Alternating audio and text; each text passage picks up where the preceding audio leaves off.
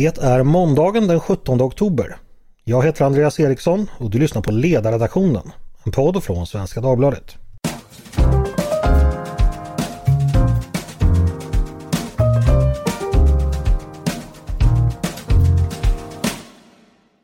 Varmt välkomna till oss hörni!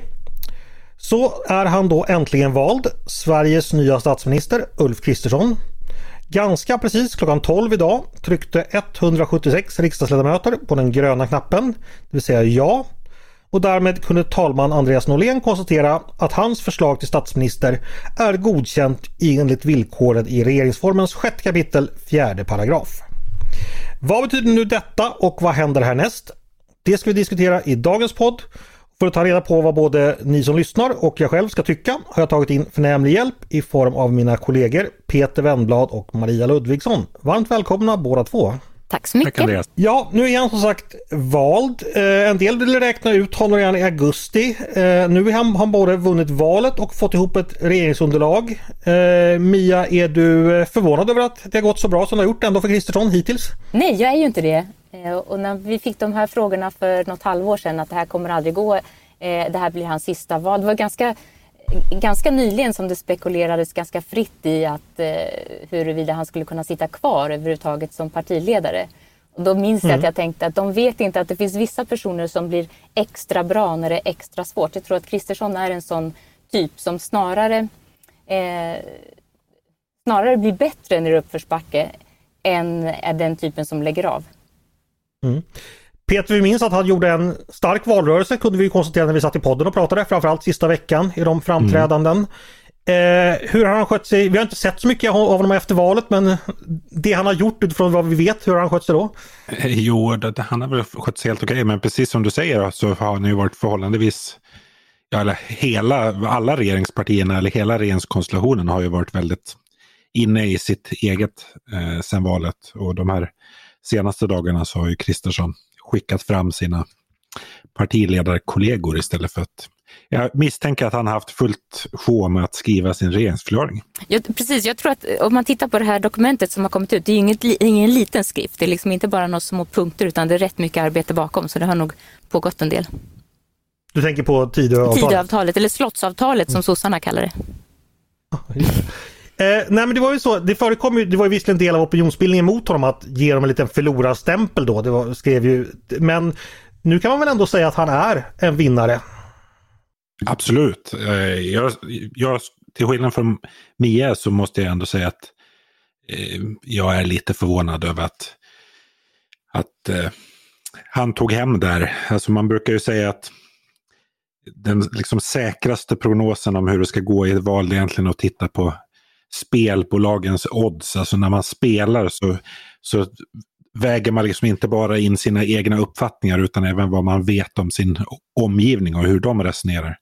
Och jag satt även själv i, i en panel en vecka före valet eh, där publiken fick rösta om vem de trodde skulle vara statsminister efter valet. Och jag skulle säga att det var en borgerligt sinnad publik, men det var ändå tror jag nästan åtta av tio som trodde att Magdalena Andersson skulle sitta kvar. Så att, något av en skräll. Ja, men jag minns ju, vi hade en podd, det var eh, veckan, inte, det var två veckor före valet, eller jag tror det var åtta dagar före valet kanske. Något Då sa ju du att nu känner jag att det har vänt. Minns du det Peter? Ja, det var den morgonen faktiskt. ja, men jag var, eh, ja, nu låter jag som jag försöker lyfta fram mig själv, men jag sa även det har jag ett vittne på. Direkt när eh, Valund kom ja. så, så sa jag till min närmaste grannar på valvakande, det här blir regeringsskifte. Eh, och det blev det också. Mia, nu ska då Ulf Kristersson vara, vara statsminister framöver. Eh, hur väl passar han för det? Vad har han för sidor som gör honom till en bra statsminister? Och vad finns det eventuellt för sidor han har som skulle kunna göra det svårt för honom, tror du? Men återigen detta att personer som blir som bäst när det är som svårast, alltså som som mår bra av motstånd och uppförsbacke. Det tror jag Ulf Kristersson är en sån. Man brukar, man brukar fokusera in, vad säger, kameralinsen brukar fokusera på hans vader för att visa att det här är en sprinter och det tror jag han är i intellektuellt avseende också. Sen är det Eh, man kan också tänka sig en person som vars nästan hela vuxna liv har handlat om politik och att äntligen då komma till den, den allra högsta positionen och ha i sig också ett antal värderingar och starka åsikter. Det är klart att då sätter man fart. Då blir det eh, nästan ett, som ett uppdämt behov av att få förverkliga det som man länge har talat om. Och sen, sen är det också ganska det här är någonting som inte får misslyckas. Det, det, är, ehm, det är en väldigt speciell situation med, där man har med ett parti som en sån som Kristersson för bara 20 år sedan säkert hade kunnat säga att det skulle han aldrig någonsin kunna regera med ett sånt parti. Och då måste man också klara av det och det i sig är ju en utmaning. Mm. Peter, samma fråga till dig. Kristerssons eh, som person, vad, vad gör honom till en bra statsminister och vad skulle kunna eventuellt skälpa honom? Eh, det som gör honom till en bra statsminister är att han, är en samlande gestalt. Han har liksom en, en personlighet som, som är samlande. Men en aspekt som jag tycker inte har lyfts fram är att jag tror att Ulf Kristersson är den politiskt mest rutinerade statsminister som vi kanske någonsin har haft. Alltså han har varit som kommunalråd i Strängnäs, han har varit socialborgarråd i Stockholm, han har varit minister, han har varit ungdomsförbundsordförande. Han har liksom haft, han känner ju politiken utifrån och in och på alla eh, nivåer på ett sätt som jag in, inte tror att någon annan tidigare statsminister har gjort. På det sättet är han ju bety betydligt bättre rustad än vad Fredrik Reinfeldt var till exempel. Ja, just det. Jag tänkte på en annan sak som man skulle kunna lägga till till den här beskrivningen. Det är också en politiker som gärna läser böcker. Skönlitteratur, det tror jag det, det är av godo. Han är intresserad av mer än bara det politiska utan också vad som ligger bakom och idéerna bakom. Mm. Det ska sägas det att eh, Ulf Kristersson är, är, 58 år gammal, han fyller 59 senare i år. Eh, han är den äldsta nyvalda statsministern vi har haft i landet på nästan 100 år. Det var Ernst Trygger som var, var äldre, en, en annan högerledare som, mm. Som inte var så lyckosam kan man väl säga. Han satt bara ett och ett halvt år. eh, och alltså, jämfört med Fredrik Reinfeldt så, som då faktiskt är ju yngre än Ulf Kristersson. Eh, som då var ny, nyfyllda, var han 40 eller 41 kanske när han blev statsminister. Eh, Magdalena Andersson var ju då 51 eh, så eh, han har rik på livserfarenhet. Eh, och precis som du säger Peter, han har ju hunnit med vart överallt i politiken, knappt gjort någonting annat än politiken. Jag hittade, I hans CV hittade jag bara att mellan år 2000 och 2002 så var han ute i IT-vågen lite och gjorde Precis. lite komtjänster. I övrigt har han varit politiker hela tiden. Är, är det bra eller dåligt Peter? Ja, i kombination, egentligen tycker jag att det är dåligt. Ja. Men i kombination med det som Mia var inne på, att han har ett stort intresse för världen utanför politiken. Och mitt intryck är att han är liksom inte politiker på fritiden, tror jag ändå gör att han är en bredare eh, personlighet än, många tidigare statsministrar. Vad tänker du om Mia? Det med att han inte har så mycket utanför politiken att i alla fall visa upp. Han kan ha gjort saker på fritiden men, men som jobb har han alltid varit politiker. Ja, men jag tänkte på det rakt motsatta svaret. är så här, jo men idag kan man nästan inte bli statsråd eller för den delen eh, statsminister om man har haft ett normalt liv. Därför att då finns det alltid någonting som man kan plocka upp och visa på här gjorde du något fel eller något misstag. Så i, i, svensk politik är det nästan en förutsättning att man har, verkligen har klarat av de olika partipolitiska testerna, att man har klarat sig igenom hela systemet. Mm. Sen, får, sen får man väl säga att vår eh, avgående statsminister Magdalena Andersson testade ju under sina nio månader, vad det nu blir, det här med att ha politiskt oprövade kort på, på eh, statsrådsposter. Människor som hade levt ett annat liv än i politiken och det var väl inte ett särskilt lyckat experiment.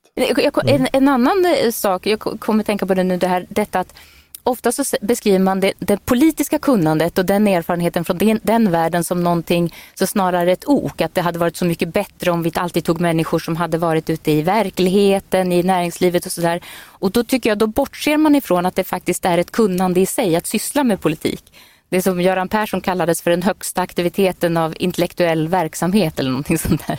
Kanske inte ska jämföra det med det, men det är ju ett kunnande. Det är att kunna eh, hur själva processerna går till, man lär sig att förhandla, eh, man lär sig att i bästa fall att hålla vid liv de eh, grundläggande värderingarna och försöka omsätta den, dem till praktisk politik. Så visst är det ett kunnande mm. i sig att ha sysslat med detta.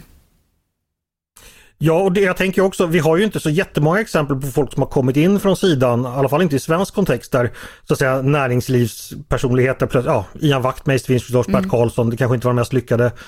Trump och Berlusconi utifrån, utomlands, vi kanske inte heller... Alltså det, ja, det kan ju finnas en poäng i det du säger sagt, att lära sig det politiska hantverket.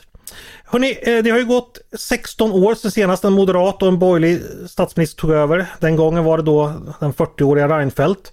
Situationen nu i svensk politik är ju helt annorlunda skulle jag säga. Eller vad skulle du säga Mia? Finns det någonting som påminner om den här oktoberdagen 2006? När ja, jag funderar på det. Vädret kanske, men inte så mycket mer. Ja. Svensk oktober är så ja. Peter, vad tänker du om du jämför de två regeringstillträdena? Jag minns 2006 som att det kändes som att vi grep regeringsmakten med, med stor tillförsikt och att liksom allt, allt var möjligt. Det var, kändes att det fanns ett väldigt starkt politiskt projekt och en kultur som hade byggts kring alliansen.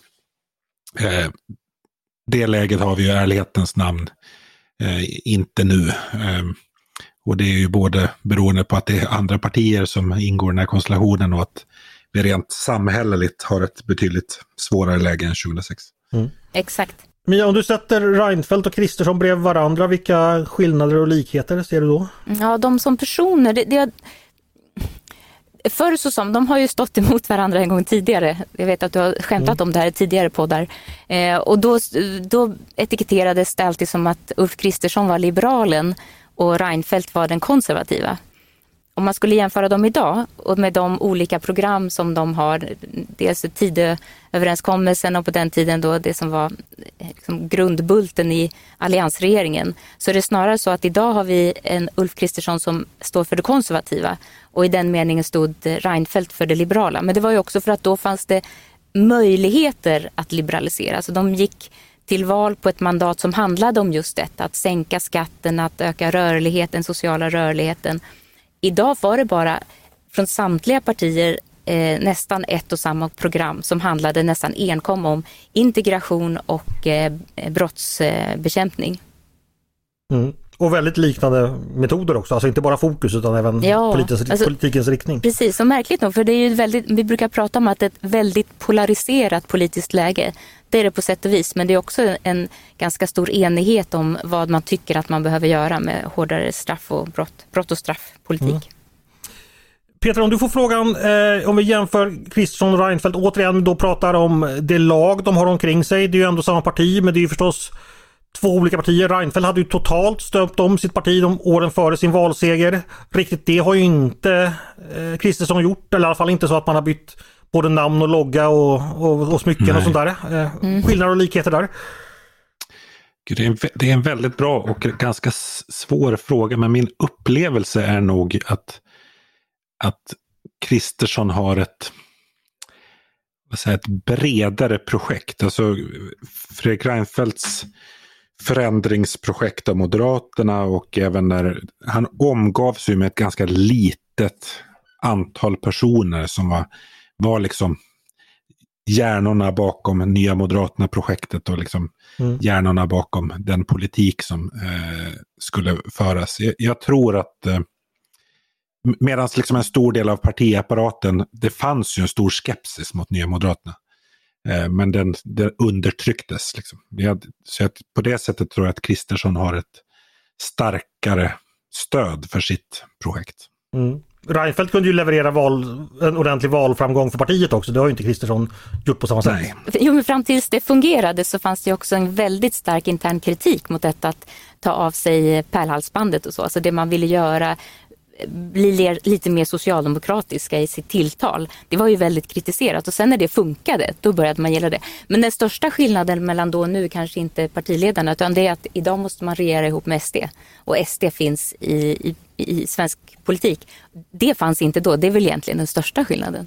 Ja, och, och att man nu också är näst största parti. Då var man ju det överlägset största. Borgerliga. Och det är naturligtvis en väldig skillnad. Mm.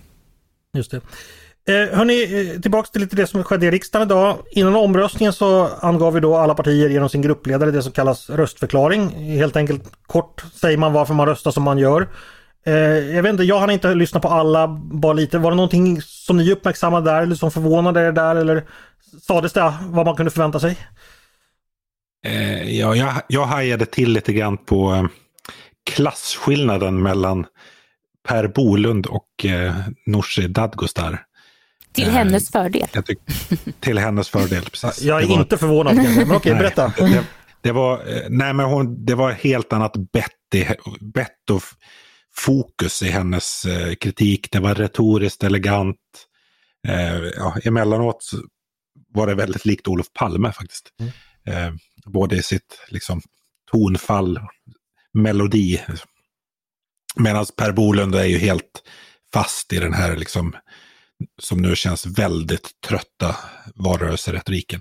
Men, men annars så får man väl konstatera att det här eh, vad säger, fascist, det var ju ingen som drog fasciststatkortet eh, förutom Per Bolund lite grann. Mm.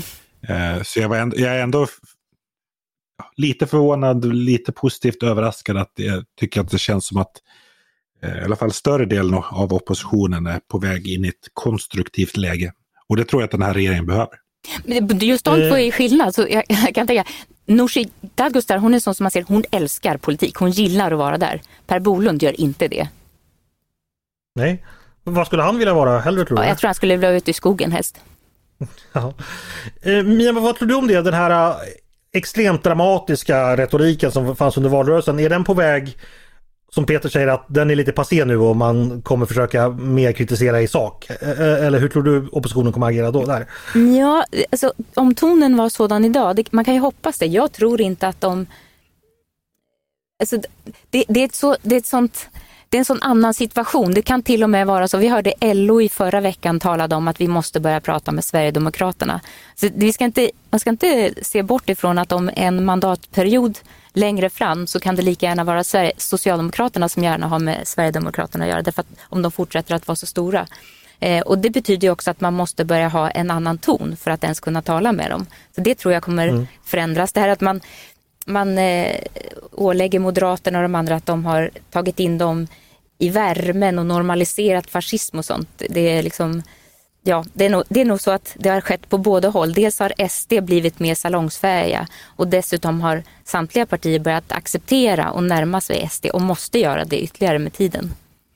Mm, och det kan ju gå snabbt i politiken. Ja, ja Peter? Men, ja, men jag tycker det märks på alltså, de framträdande som eh, regeringspartiledarna har gjort hittills efter Tidöavtalet presenterades. Att jag tycker det märks att de är lite ovana och ringrostiga med att få stå till svars mm. för politisk substans. Alltså nu har de under så lång tid i stort sett bara behövt svara på frågan om hur man ska förhålla sig till Sverigedemokraterna och liksom hela det här spelet.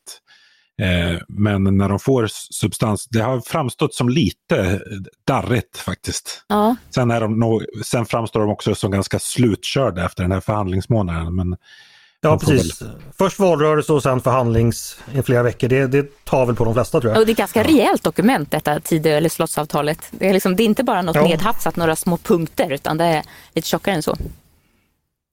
Eh, ett litet sidospår här men det har ju mullrats i de liberala leden, det vet vi. Eh, idag fanns det någonsin någon risk att, eller chans om man så vill säga, att någon riksdagsledamot skulle ha gjort, helt enkelt gjort uppror idag och röstat emot. Eh, var det någonting ni trodde skulle vara möjligt, Peter? Nej.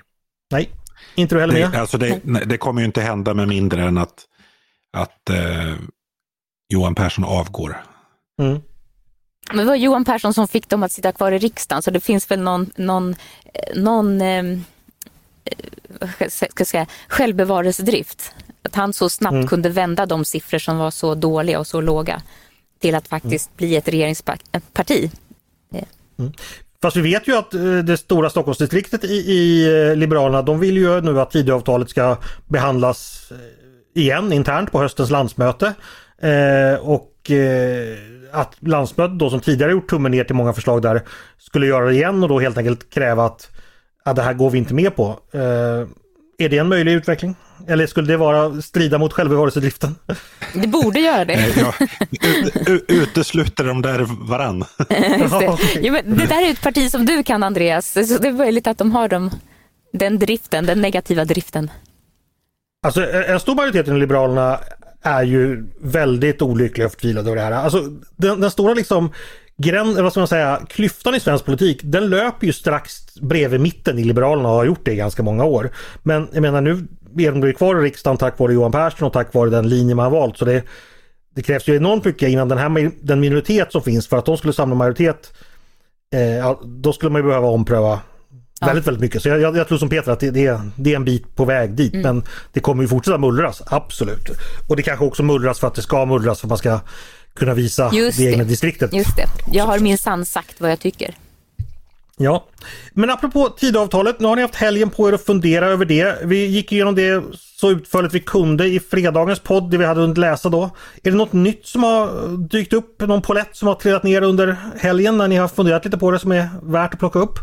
Det jag kanske har reflekterat över är att liksom i närläsning att det är, det är mer buts än ifs än, än vad jag uppfattade vid en första läsning. Alltså mm. att det är en hel del som läggs i utredningar. Allting är villkorat med att det finns budgetutrymme. Ehm, och, ja, så att jag, jag tror att det är en hel del av det i det här avtalet som kommer bli svårt att prioritera under den här mandatperioden med tanke på det ekonomiska läget och omvärldsläget.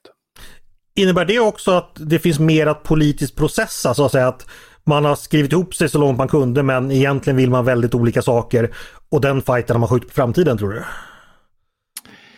Eh, ja, jag tror kanske inte att man har haft den.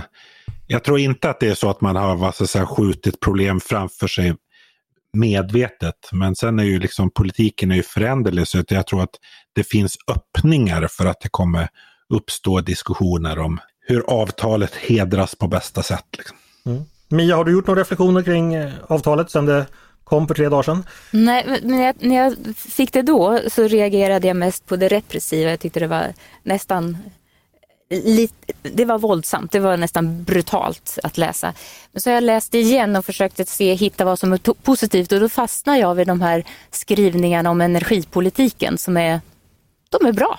Det är precis det som behövs och de är väldigt tydliga och där finns det, det märker man också att det finns en ganska tydlig gemensam ståndpunkt som är genuin. Det andra är liksom någonting annat. Det andra är att man har fått, eh, man, man har fått förflytta sina positioner ganska rejält. Men alltså det är ingen som ska slängas i fängelse eller utvisas i energipolitiken. Inte ens Sverigedemokraterna lyckades få den Nej, men de, de försökte säkert men det kunde de andra de muta bort. Nej, alltså energipolitiken är ju, är ju utan tvivel den del av avtalet som känns mest lustfylld. Ja. Mm. Alltså att det här, att, att det finns entusiasm mm. och sug att genomföra det. Det andra är inte riktigt lika, Men det är, också lika roligt. Det är också ett sakpolitiskt område där man kan förändra saker och ting. Alltså att, att bli av med den, den extrema kriminaliteten, det är liksom ingenting som man enkelt gör och det krävs, det krävs åtgärder där som kan vara motbjudande på ett annat sätt. Men energipolitiken är ju sån att här, det, har vi liksom, det, är många, det har vi vetat länge vad som behövs där. Och nu är, det red, mm. nu är man redo att rulla ut och äntligen göra det som man länge har sagt man borde göra. Att klyva atomer är enkelt jämfört med att få ordning på den organiserade brottsligheten. Det tror jag. Ready to pop the question? The jewelers at BlueNile.com have got sparkle down to a science with beautiful lab-grown diamonds worthy of your most brilliant moments. Their lab-grown diamonds are independently graded and guaranteed identical to natural diamonds, and they're ready to ship to your door. Go to Bluenile.com and use promo code LISTEN to get $50 off your purchase of $500 or more. That's code LISTEN at Bluenile.com for $50 off. Bluenile.com code LISTEN. Ja, är det några andra reaktioner både nu angående tidavtalet och kanske då även omröstningen i riksdagen idag som ni har lagt märke till eller har som har varit oväntade menar jag, eller har alla spelat sina roller spelat sina roller så bra? Ja, alltså, jag tänkte på Magdalena Andersson. Att det, det är sådär, politiker testas på olika sätt när de är i regeringsställning och när de kommer i opposition. Och hon har nu börjat använda det här uttrycket som vi kommer att få höra, granska SD och deras regering. Alltså få ihop det så att det låter som att det är SDs regering även om de inte sitter i regeringen. Och det här är någonting som hon kommer arbeta in. Mm, säkert. Peter, någonting du har uppmärksammat? Eh, nej, men jag, jag kanske, jag tycker ju att den här fullständiga frånvaron på läckor under den här förhandlingsmånaden tycker jag är, är ännu mer imponerande när man till slut fick uppgörelsen. Alltså just, ja, men inte minst för att det finns så mycket i det som borde vara ganska eh, smärtsamt, eller är ganska smärtsamt för Liberalerna. Så, mm så tänker jag nog ändå att det kanske borde ha läckts lite mer därifrån för att liksom skaffa sig fördelar i förhandlingsspelet. Det kan ju också vara så att de gånger som då det förekommer läckor så gör de det just för att man vill läcka någonting. Mm. Ja, men för jag tänkte till och med att man skulle ha på Tidöslott. Det, det kom ju inte ut förrän de väl var på plats och satt och förhandlade där. Och det, det kan ju ha varit liksom kökspersonalen som läckte eller något sånt där, liksom, om det. Eller, så det har ju hållit sig väldigt eh, tätt än så länge. Vi får se om det fortsätter. Hörni, imorgon bitti, eller imorgon förmiddag, mm. då är det dags för Ulf Kristersson som ska, eh, dags för hans regeringsförklaring. Eh, då han ska berätta vad hans regering ska göra och då ska han också läsa upp eh, listan på statsråd han vill ha i sin regering. Den här regeringsförklaringen då, den ska handla om allt. Eh, Tidöavtalet handlar ju bara om några saker. Eh, finns det någonting område som vi inte har hört någonting om som inte nämns i Tidöavtalet som ni är nyfikna på eh, vad det kommer bli och eventuellt spå någon, någon riktning där? vad, vad säger du Mia? Alltså jag är nog som de flesta väldigt nyfiken på vilka statsråd det blir. Ja, politiken spelar ingen roll.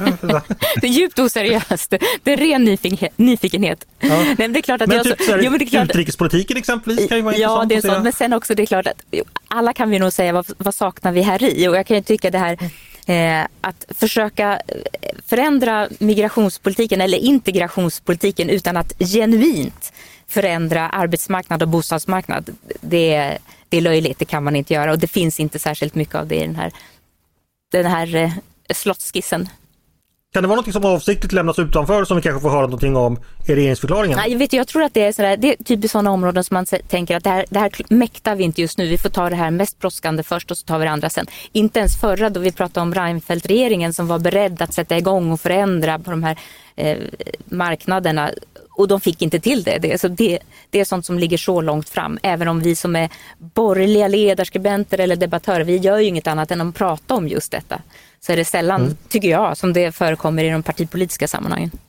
Nej, Reinfeldt ville ju sänka skatten istället och det gjorde han ju bra och få folk i arbete. Peter, vad tror du om regeringsförklaringen? Kommer vi få veta några ytterligare nyheter om politiken utanför Tidöavtalet? Jag förväntar mig att det ska komma någonting kring bostadspolitiken som ju är var helt frånvarande i, mm. i Tidöavtalet. Det tyckte jag faktiskt att Nooshi Dadgostar gav regeringskoalitionen en välförtjänt känga när hon sa idag att de enda bostäder den här regeringen verkar vilja bygga är fängelseceller. Touché! ja. Ja men här finns ju det du nämnde i fredagens podd. Dels en färdig utredning kring hur hyressättningssystemet mm. skulle kunna förändras. Och sen det här hela med om man ska gå liksom åt social housing hållet, vilket ibland har diskuterats också. Ja, nej, men precis och där det också finns en nyss gjord eh, utredning med eh, en eh, hel del ganska konstruktiva eh, förslag som man kan åtminstone gå vidare med eller liksom eh, förfina. Eh, så att, eh, nej, det tycker jag, alltså det måste man göra. Alltså, svensk bostadsmarknad och ja. hyresmarknaden i synnerhet är ju så fullständigt havererad. Men frågan är om det ens är görligt eftersom Sverigedemokraterna de skulle kunna villkora det. De är ju socialdemokrater i, i den mesta, de mesta delarna av politiken, inte minst vad gäller bostads och arbetsmarknad. Så det är frågan om de får igenom det. Nej, det är, absolut, det är ju svårt. Det finns ju inte, alltså om vi tar fri hyressättning i nyproduktion, det finns ju inte en riksdagsmajoritet för det. Nej. Så det är ju eh, svårt, men jag tycker att det är en, det borde. en, sån, en sån fråga som är, borde vara så viktig för den här regeringen att de tar det så långt det går i, i diskussioner med Sverigedemokraterna eller eh, hittar någon överenskommelse. Alltså Centerpartiet har de med tåg, på tåget och jag tror att även Socialdemokraterna kommer inte gå med på fri hyressättning men liksom kanske konstruktiva reformer av, av av hyresmarknaden. En, en, sak jag är nyfiken på det, det är ju det här med kommunernas ekonomi och, och utjämningssystemet och framtiden för olika statsbidrag och så. Nämndes det någonting i Tidööverenskommelsen? Det är någon formulering om, om skatteutjämningen. Eh, någon okay. Ja, just det. det, det, det just det.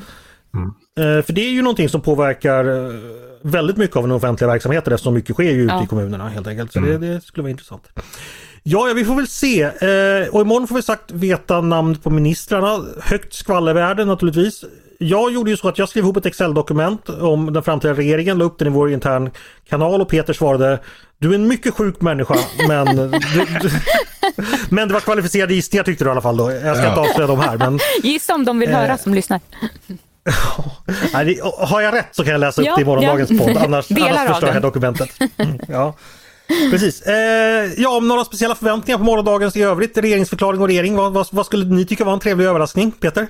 Annars förutom bostäderna? Oj. Ja, förutom det. eh,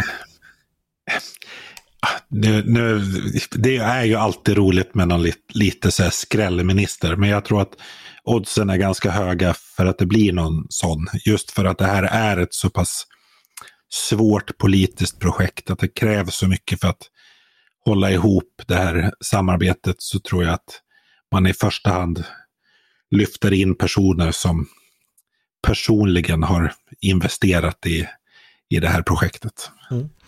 Annars så kan man ju tänka sig, idag så presenteras ju också de tävlande På spåret och där finns det ju en blandning mellan liksom roliga människor, eh, kunniga människor, de som ungdomarna känner igen och så att man skulle ju kunna slänga in någon på knaskfoten helt enkelt liksom bara. Ja. Eh, Vem skulle vilja ha då? Ja, Ja, det ska jag inte. Har... jag, tror, jag, tror även där att vad ska säga, spåren förskräcker av ja, föregående ja. regeringar. Att, att det, nu är det ett sånt besvärligt, det är ett sånt besvärligt politiskt projekt och det är ett så besvärligt politiskt läge att du kan inte ha någon glad skit som kliver in och ska leda ett departement. Nej, där Inget mina hepp, chanser, hepp, som Palme sa. Nej.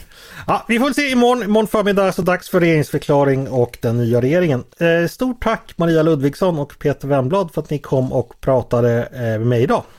Tack. Tack Andreas. Tack till er som har lyssnat också eh, på oss på Ledarredaktionen. En podd från Svenska Dagbladet. Ni är varmt välkomna att höra av er till oss på redaktionen med tankar och synpunkter på det vi precis diskuterat. Eller om ni har idéer och förslag på saker vi borde ta upp i framtiden. Eller om ni tycker att någon av oss borde bli minister, då kan ni också höra av er till oss. till Ulf Kristersson. CC. Ja, precis. CC Ulf Kristersson. Då är det bara att mejla till ledarsidan snabel svd.se. Dagens producent, han heter Jesper Sandström. Jag heter Andreas Eriksson och jag hoppas att vi hörs igen snart.